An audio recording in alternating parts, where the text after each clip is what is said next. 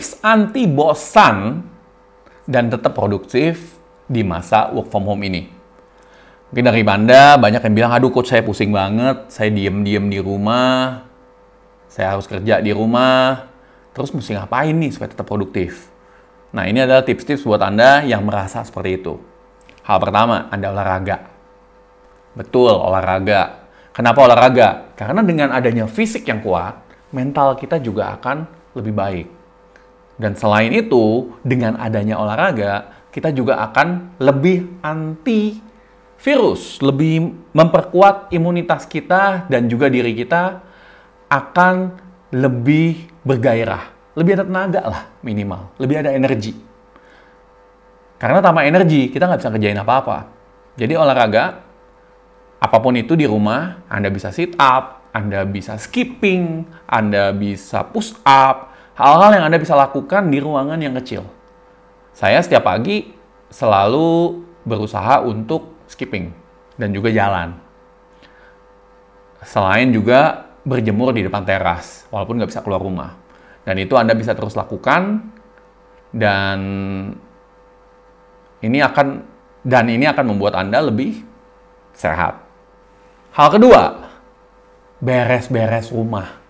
Ayo, siapa di sini yang rumahnya berantakan, kebanyakan barang, banyakan sampah, kebanyakan hal-hal yang udah ditumpukin selama puluhan tahun tapi nggak pernah diapa-apain. Inilah saat Anda beres-beres rumah.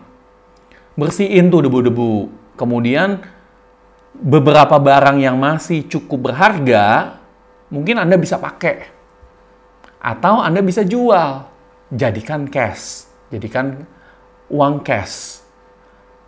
Selain selain Anda juga mendapatkan uang cash, Anda juga bisa menemukan harta-harta karun ketika Anda membereskan rumah. Siapa sih yang nggak suka dapat harta karun? Daripada beli lagi, inilah saat Anda untuk beres-beres rumah dan lemari Anda. Hal ketiga adalah Anda coba untuk berdoa. Berdoa, berdoa, dan berdoa. Coba koneksi dengan yang di atas. Dapetin energinya, dapetin ilhamnya, bersyukur, dan benar-benar hati ke hati. Berkoneksi lah dengan dengan dengan Tuhan yang di atas. Sehingga kita akan lebih mendapatkan berkah dan jalan. Karena di saat saat penuh kegelapan seperti inilah kita benar-benar membutuhkan cahaya dan ketika tidak ada jalan apa pun juga hanya dialah yang bisa memberikan kita kekuatan jadi mulailah berdoa lebih rutin. Mulailah lebih berkoneksi kepada yang di atas. Hal selanjutnya ketika Anda di rumah adalah cari ide. Ada kata pepatah. Ini cukup menarik. Kata pepatahnya adalah gini. Kebetulan yang ngomong ini adalah Nikola Tesla. Buat Anda yang nggak tahu Nikola Tesla, Nikola Tesla adalah salah satu penemu jenius yang juga menemukan listrik. Mungkin kalau Anda tahu, Tesla sangat dikenal sebagai mobil listriknya yang dimiliki oleh Elon Musk. Dan Nikola Tesla, Tesla berkata bahwa hanya orang single yang dapat menjadi penemu. Menarik kan? Hanya orang single yang bisa menjadi seorang penemu. Nah, alasannya kenapa? Alasannya adalah karena orang single lebih banyak waktu. Kalau orang sudah married, biasanya dari pagi sampai sore itu kerja. Dan setelah kerja, pulang ke rumah harus memberikan, ya maksudnya harus main lah sama anak dan istri. Intinya gitu. So, di zaman krisis seperti sekarang, tentunya kita lebih banyak waktu. Karena benar-benar kita work from home. Bahkan weekend pun kita ketemu anak dan dan istri di rumah, kita nggak ke mana-mana. Waktu transportasi dipotong. Nah, anda punya waktu untuk cari ide. Dan Anda bisa cari ide. Dan inilah saatnya Anda benar-benar think deep, pikirin ke dalam. Apa yang Anda benar-benar pengen lakukan? Dan pikiran matang-matang, Anda bisa browse internet, Anda bisa ngelihat dan baca buku, tapi yang penting cari ide deh untuk improve diri Anda sendiri. Bahkan sekarang kursus online lagi murah-murah. Dan banyak sekali orang melakukan pembicaraan gratis secara online. YouTube juga banyak. Jadi cari ide, cari ide dan cari ide. Dan waktu dan ketenangan akan membuat Anda mendapatkan ide yang lebih bagus. Hal kelima adalah Anda cek HP. Cek HP Anda, lihat kontaknya masing-masing. Kontakin satu-satu orang yang mungkin Anda udah lama nggak kontak. Cari tahu, eh, eh, Anda sehat? Gimana Pak? Apa kabarnya? Apakah sekeluarga sehat? Coba deh tanyain. Karena ini adalah momen yang tepat untuk silaturahmi. Momen yang tepat untuk menjalin hubungan kembali. Dan mengetahui keadaan mereka. Gimana sih keadaannya uh, mereka ini sekarang? Apa sih yang mereka lakukan? Karena sekarang banyak orang punya waktu. Lebih punya banyak waktu. Setidaknya karena waktu untuk transportasi udah dipotong karena harus bekerja di rumah. Jadi coba deh cek HP, lihat kontak masing-masing masih ada nggak sih nomornya atau jangan-jangan dia udah ganti nomor, tapi setidaknya Anda update. Dan update kontak Anda dan juga update apa yang mereka lakukan. Karena bisa saja apa yang mereka lakukan sekarang ada hubungannya dengan apa yang Anda lakukan sekarang.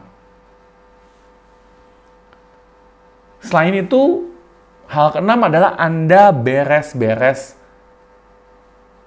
file di komputer Anda. Berapa banyak waktu sih kita nyari-nyari file di komputer?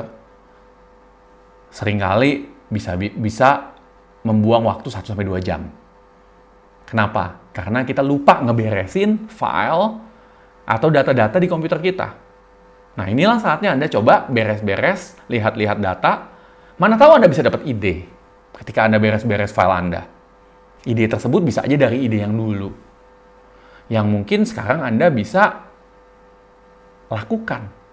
Karena ternyata ide tersebut lebih terkena atau lebih pas momennya di saat ini untuk Anda lakukan. Jadi coba. Selain itu Anda juga bisa bereskan sosmed Anda. Instagram Anda, Anda bisa lihat-lihat teman-teman, coba lebih mulai update, apa saja yang orang lakukan, dan gimana keadaannya, dan selain itu Anda juga bisa memperbaharui dan lebih update di sosial media Anda buat Anda yang belum aktif di sosial media. Karena inilah saatnya. Orang benar-benar lebih perhatian kepada sesuatu yang online. Kepada sesuatu yang ada hubungannya dengan internet. So, kalau Anda belum update, Anda belum aktif, aktifin deh. Apa pun itu. Hal selanjutnya adalah Anda kolaps. Kolaborasi. Zaman sekarang adalah zaman kolaborasi. Cari customer atau cari orang yang melakukan hal yang berbeda tetap dan tidak competing tidak berkompetisi langsung dengan Anda, tetapi target marketnya sama. Sebagai contoh, saya kasih contoh gini. Saya adalah seorang bisnis coach. Oke, target market saya siapa sih? Pengusaha. Tapi pertanyaannya, ada nggak sih pengusaha-pengusaha lain yang butuh produk lain selain bisnis coach?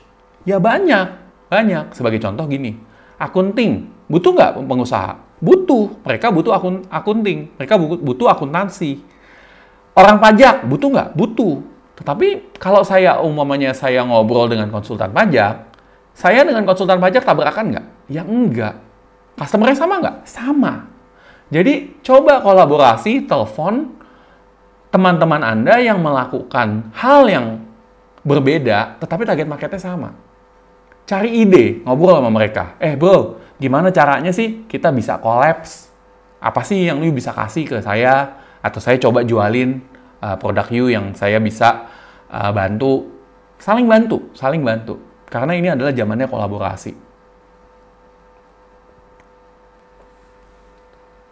Hal selanjutnya adalah bikin hal yang positif supaya kelihatan beda.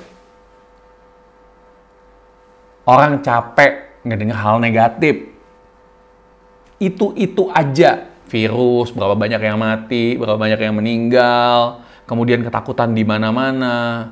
Coba berikan sesuatu hal yang positif, supaya Anda kelihatan positif. Karena orang akan lebih tertarik bertemu orang yang memiliki energi positif. Sekarang kita sudah banyak, terlalu banyak hal negatif di dunia. Banyak orang mengeluh, banyak orang komplain. Berikanlah energi positif karena memang kita perlu. Kalau Anda selalu bergaul dengan orang yang komplain, ngomongin hal yang negatif, Anda capek nggak? Sudah pasti capek. Saya juga capek. Bahkan coach pun merasa capek ketemu orang yang komplain melulu dan ngomongin hal yang negatif.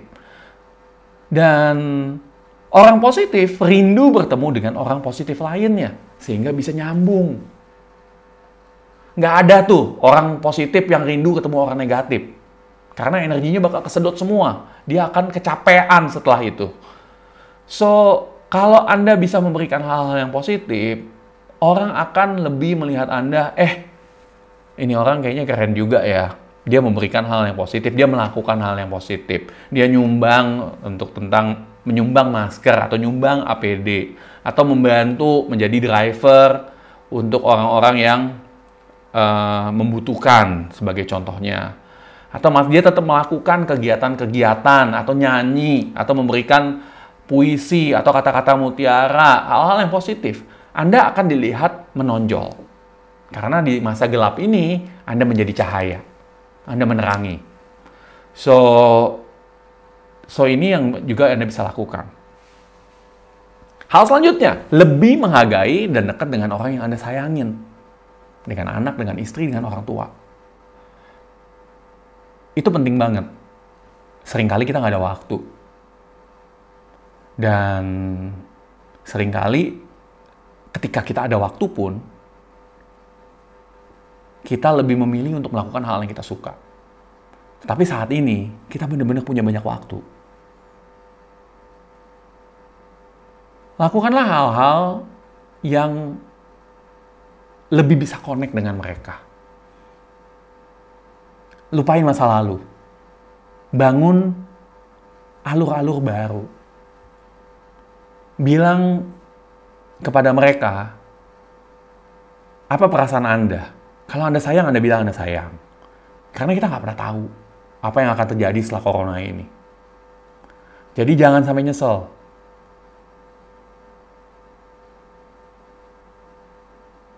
Build, bangun koneksi tersebut, bangun jembatan tersebut lagi. Karena di saat inilah bukan hanya kita, tapi mereka juga butuh seseorang yang bisa terkoneksi secara emosi. Apalagi mereka orang-orang Apalagi mereka orang-orang terdekat kita.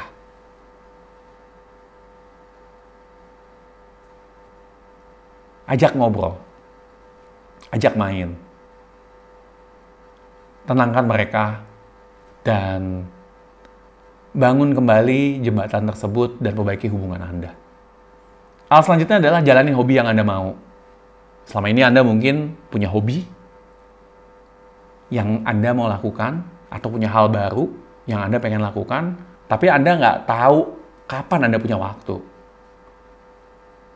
Sebagai contoh, salah satu hal yang saya lakukan selagi di masa krisis ini adalah saya mencoba belajar mengenai YouTube saya.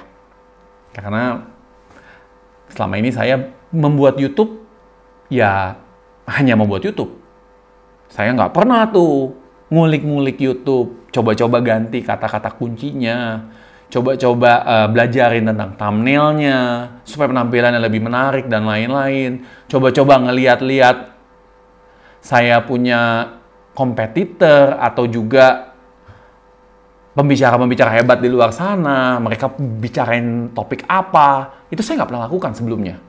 Karena kenapa?